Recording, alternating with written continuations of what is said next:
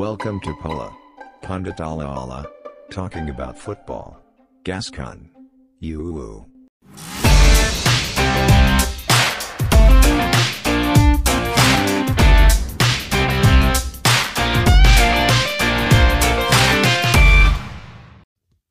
Yes, Palaholik berjumpa kembali di Pala Pandit ala-ala ngoceh ala-ala tentang sepak bola masih bersama Merjo dan ada Vicky. Woi, halo, halo, halo. Halo, halo Vic. Piala FA telah merajalela di Liga Inggris dengan kekalahan Arsenal atas Manchester City. Waduh. Wah, ini pertemuan pertama Arsenal ya melawan City. Ya, ya. Eh, banyak pemain cadangan juga yang main di Arsenal maupun di City, tapi at least City itu hampir merata juga sih. Merata skuad inti dan skuad pelapis. Iya, pelapis juga udah kayak tim inti yang ngeri juga sih di Liga Inggris. Iya. ya. Skor berapa ya? 1-0 ya? Satu kosong. Ah, analisisnya gimana tuh Eh, dari pertandingan kemarin? sebetulnya untuk melihat pertandingan keseluruhan saya tidak menonton Hmm, karena di sini saya berbicara by data atau by statistik. abai the book. Di mana di sini City mempermai apa mem- membuat permainannya berbeda Hmm, dengan strategi yang berbeda di mana sebelumnya City mengandalkan formasi 4-3-3 tapi di pertandingan kemarin versus Arsenal berapa tuh? City merubah formasinya menjadi 3-2-4-1 Oh, gimana tuh? Mainnya tetap Tiki Taka nggak? Eh, untuk melihat permainannya eh, sebetulnya tetap dengan eh, sistemnya Pep Guardiola gitu. Hmm, hmm. koordinasi Baru eh, juga ya pakai tiga back. ya? iya.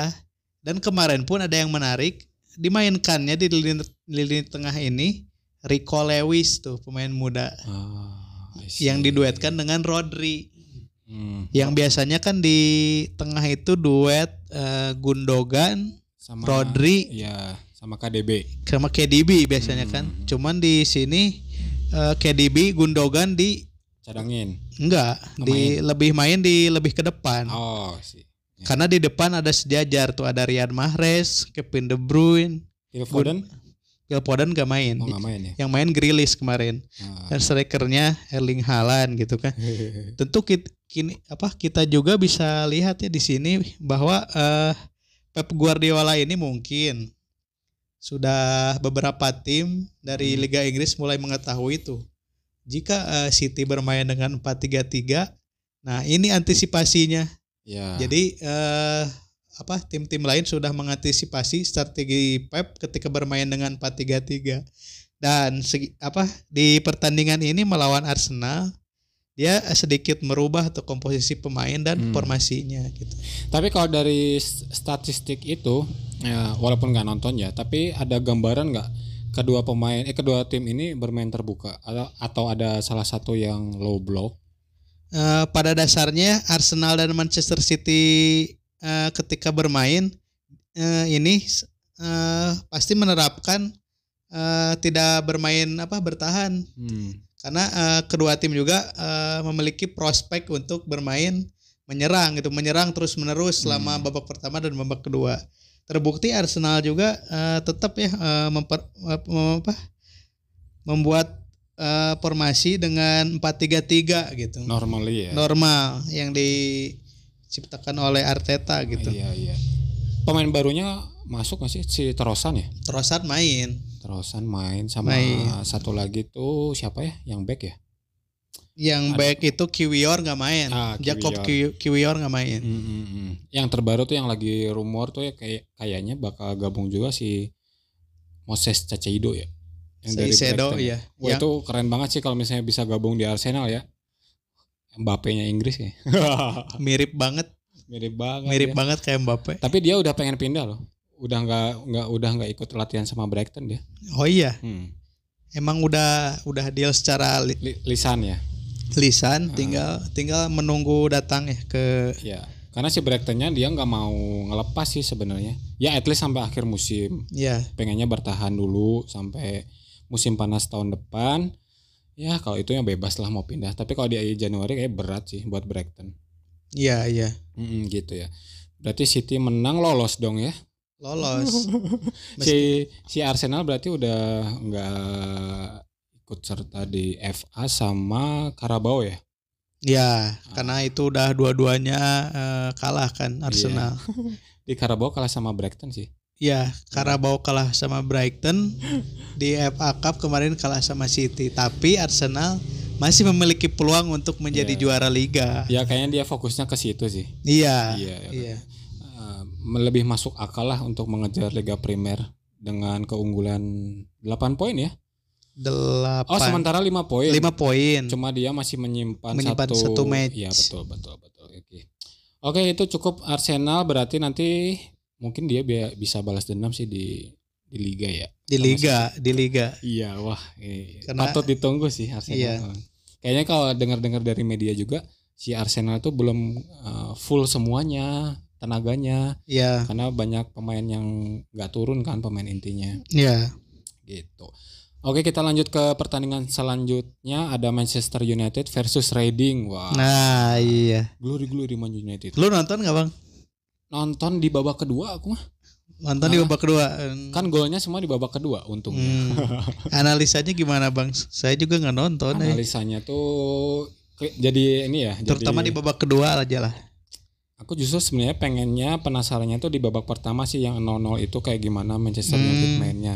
Ya, kan, ya. kan di babak kedua kan udah ada golnya ya. Ya, Lebih terbuka permainannya. Tapi di satu sisi aku ada pandangan yang cukup sebenarnya miris sih untuk Manchester United ya. Karena dengan kehadiran Casemiro itu sebenarnya MU tuh bergantung banget sih sama Casemiro. oh, Terutama kemarin ngelawan Arsenal kan tim, Iya, iya. timpang banget ya tanpa Hmm. Casemiro.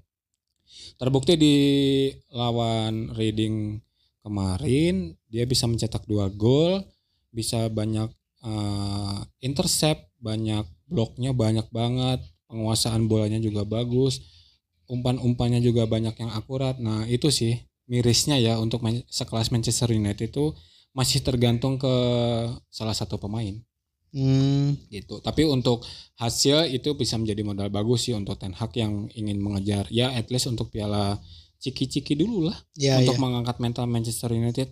ya. Tapi overall secara permainan aku puas. Puas dalam arti untuk uh, bangkit setelah kekalahan sama Arsenal kemarin. uh, mentalnya tuh nggak turun sih. Hmm. Masih stabil untuk uh, ke depannya lah. Ya at least uh, permainannya tuh kurang lebih sama seperti sebelum melawan Arsenal Hmm, gitu. ya, ya. Iya iya. Berarti di sini juga, eh, Masih banyak kekurangan lah. ya kebayangkan kalau misalkan Casemiro nggak turun tuh Iya, dalam iya. satu pertandingan, kita kasih contoh aja dengan kekalahan melawan Arsenal kemarin kan Iya. itu Casemiro nggak ada ya, Timpang banget ya. timpang banget gitu. Karena eh, untuk melawan tim yang permainannya seperti Arsenal itu yang mengandalkan high press tinggi, eh, umpan-umpan pendek cepat, butuh pemain seperti Casemiro yang bisa low block, bisa areal wallnya di lini tengah itu menguasai, Iya, iya. at least bisa intercept lah untuk gua ya, MU kan itu kan mengandalkan counter ya, Ya, skema counter. Nah, di situ peran Casemiro tuh penting. Nah, di pertandingan Arsenal kemarin si McTominay itu tidak berfungsi selayaknya Casemiro Hmm. gitu. Jadi ya aduh kalau misalnya Casemiro absen, ini nih yang terbaru kan si Erikson nih sekarang kan cedera kan Iya, iya. gara-gara si bapaknya Darwin Nunes kata media si Andy Carroll. Waduh.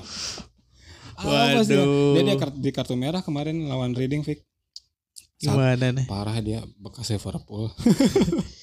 Kayaknya di kayak ditakut-takuti gitu Iya. ya. Jadi sehingga Gila membuat ya. dia ada sugesti kayak gimana gitu. Di- dia emang legendary banget sih kick and rush banget dia tackle dua kakinya gila horor banget ya kayak takut sih kalau ngelawan dia udah gila dia tapi kata lo sendiri Vic ini menjadi peluang yang bagus nggak untuk Manchester United Hmm, melihat kemenangan melawan Reading ini tentunya Hmm. modal yang sangat baik untuk Manchester United. Let's say membuat gelar pertama untuk Erik Ten Hag ya. amin Ya, karena kan di sini juga MU harus setelah mengalahkan Reading tetap harus eh, apa menatap liga lagi karena merupakan title contender juga gitu. ya se- Selisih lumayan dengan Arsenal gitu. secara matematis masih bisa Secara matematis masih bisa gitu kan. Nah, secara sini- mental Hmm. susah ya secara mental sebetulnya eh, lihat dari pemainnya ada segi apa namanya lebih enjoy juga se- semenjak Erik Ten Hag masuk gitu karena saya juga sebelumnya belum pernah lihat pe- pemain MU eh, let's say ketika pelatih sebelumnya lah Rangnick. Rangnick tuh. Hmm. Eh, seperti MU ini pemainnya tidak terlalu lepas ketika bermain gitu. Masih ada beban dan tidak tidak bisa pemain tuh mengeluarkan kemampuannya selama Ya.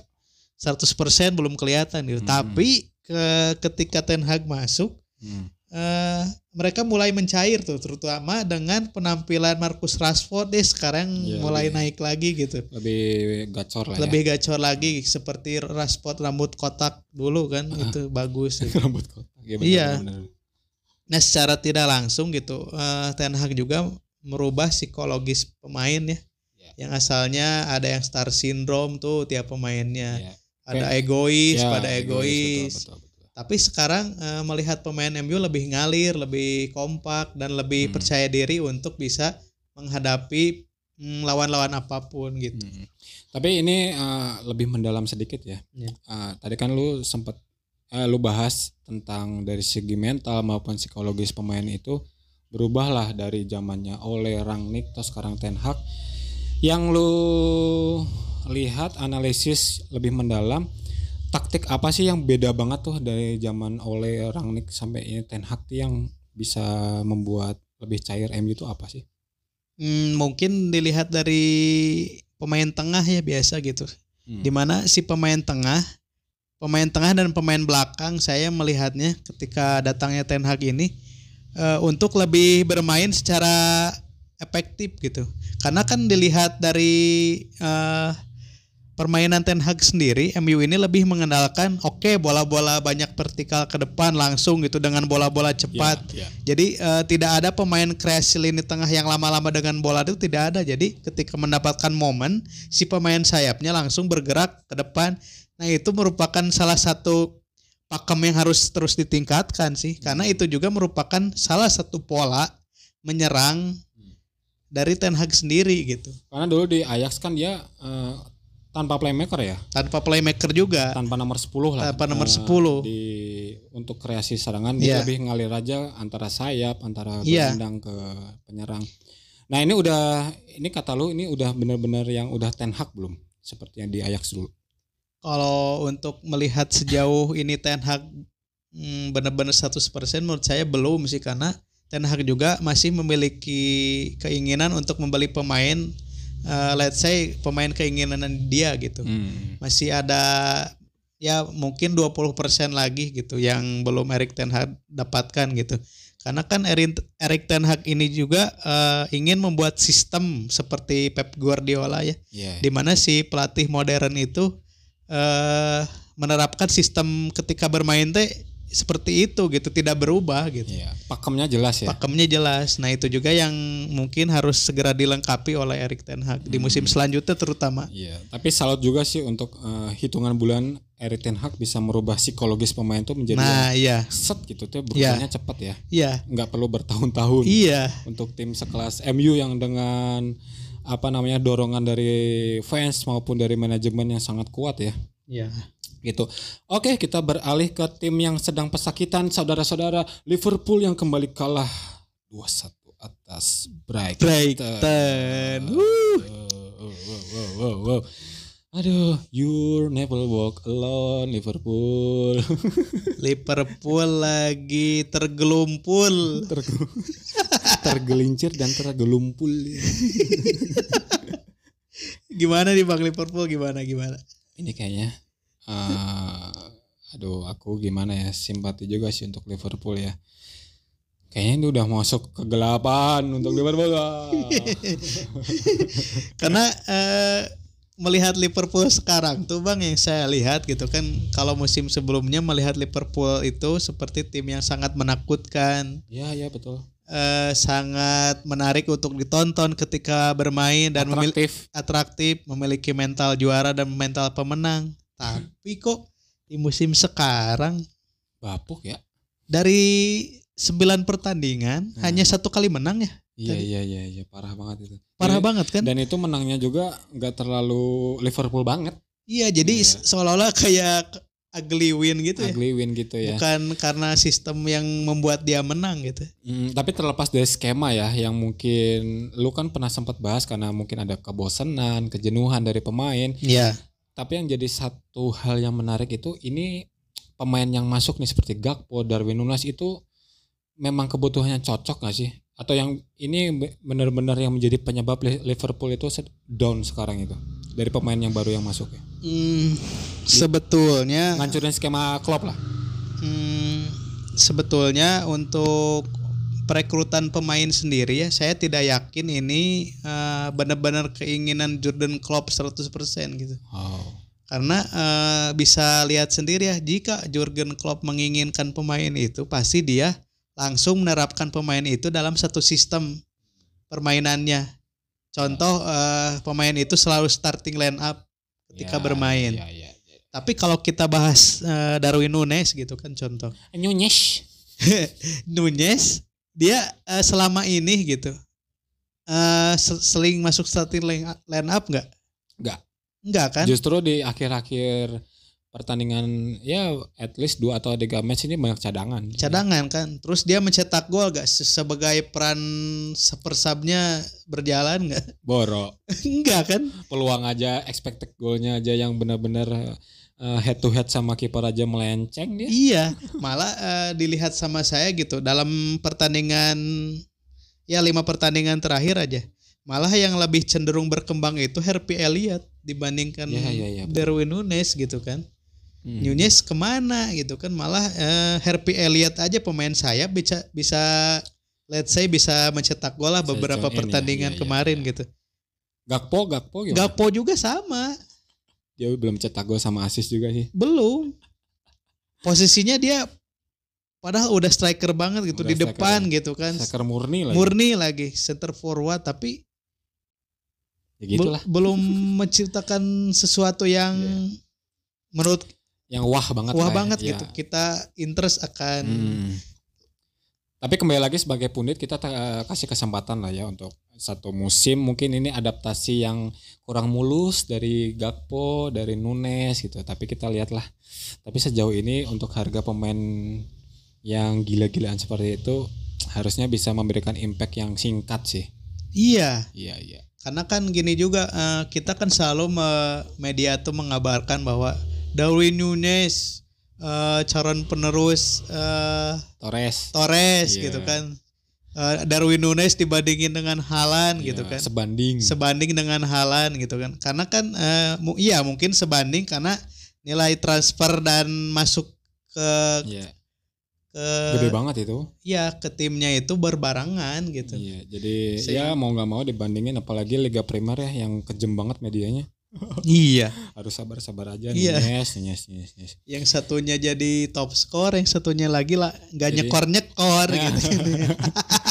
Jadi low core, ya, low score ya. Terbukti kemarin aja melawan Brighton hanya eh mencatatkan 6 tembakan, tiga shoot on target. Nah, ya, Kalah sama Brighton yang menciptakan 8 on target. Kita juga bisa dilihat di sini lini depan Liverpool masih sangat-sangat bermasalah. Ya, lemah banget sih. Kemarin aja mau salah tidak berbuat apa-apa. Kemarin juga mau salah ada big chance juga dia melebar sih. Iya. Mau salah juga udah terlihat menurun sekali ya, saya lihat Nah, gitu. Tapi paranoid, eh kok paranoid lagi sorry. Palaholik. Gak apa-apa lah kasebut dikit. Tapi yang jadi headline di media itu yang paling boom banget itu justru bukan Liverpool sih, pemain Brighton yang ngegolin. Si Mitoma ya. Mitoma Iya. gila itu keren banget. Itu eh, skillful banget, ketenangannya wah hedon nih. Ini dia klub dari mana sih sebelum Brighton itu? Dia kalau nggak salah bermain di Liga Jerman entah Iya, apa Jerman gitu. Hmm. Koreksi kalau saya salah gitu. Kalau nggak salah di Liga Jerman. Aha. Wah, gila itu kayaknya menjanjikan banget itu buat gabung tim besar itu. Keren Iya. ya. Saya juga pernah singgung Mitoma ketika di pembahasan YouTube ya ke- kemarin-kemarin iya, yang iya, bahas man of the match itu Man of tuh. the match ya. Saya pernah bilang Mitoma ya secara tidak langsung Mitoma juga membuktikan ya bahwa kualitas pemain Asia ini harus diperhitungkan gitu Wah, kan. gila banget tuh. Terbukti di Liga Inggris sudah ada dua tuh Sean Heung-min dan Mitoma Mitoma. di mana pemain Asia ini sungguh-sungguh membuat berdecak kagum Berdecak para kagum. fansnya terutama fans Brighton. Tapi Mitoma emang beyond sih gila kemarin mainnya golnya aja tuh kelas dunia itu. Kelas dunia ya. Ya dia kan mau diblok tuh sama pemain Liverpool, dia masih bisa gocek lagi tuh, bisa di Iya. diangkat lagi terus bolanya dia tanpa sentuh langsung disikat aja Iya. tuh gila banget. Kalau dia tidak mengecoh back Liverpool mungkin dia tidak akan gol. Akan Tapi gol. dia memiliki insting untuk Ya, membuat ya. suatu keputusan yang baik sehingga menciptakan gol Iya, gitu kan. beyond banget tuh keren. Itu juga. Bang di- dibentuk juga dari mental juga Bang. Kalau Iya, mental yang tidak tenang mungkin di langsung di syuting terkena back itu mungkin sudah biasa. Tapi kemarin Mitoma itu kan kelihatan gitu. Dia levelnya udah level Liga Inggris terlihat Iya, terlihat kayak- sekali. Rekan sejawatnya nggak kayak gitu ya si Minamino ya. Kalau Minamino Minimano Minamino. langit dan bumi dia. ya ya, good luck aja buat Liverpool lah. Semoga cepat beradaptasi pemain baru yang masuk dan menemukan skema yang cocok. Aku harapnya sih klub nggak dipecat ya. Kasih- Iya. Karena mau siapa lagi aja yang mau ngelatih Liverpool? Eh, gini bang, eh, jangan dulu pecat Klopp karena Liga Inggris butuh hiburan. Iya. Dulu kan ada Ole ya. Sekarang kan siapa lagi gitu kan? Ya, Klopp berarti warisannya. Potter aja tuh belum Potter nanti. calon calon lawak gitu. Iya. Itu ya. Aduh, palaholik, palaholik salah sebut tadi. Aduh, nggak apa-apa lah. Gak apa-apa lah. Nggak akan disensor juga itu mah. Biar ini multi platform ini. Wah, siapa Wah. siapa tahu merger kan nggak tahu juga. Iya. Oke lah, sekian episode terbaru dari Pala, Panit ala-ala, ngoceh ala-ala tentang sepak bola. Saksikan terus episode terbaru dari kita di hari Senin ya. Hari Senin. Ya, ya kita tayang tiap hari Senin dengan pembahasan yang selalu fresh dan sangat menarik. Menarik. Oke, gitu aja Merzo Vicky pamit. Dadah. Dadah.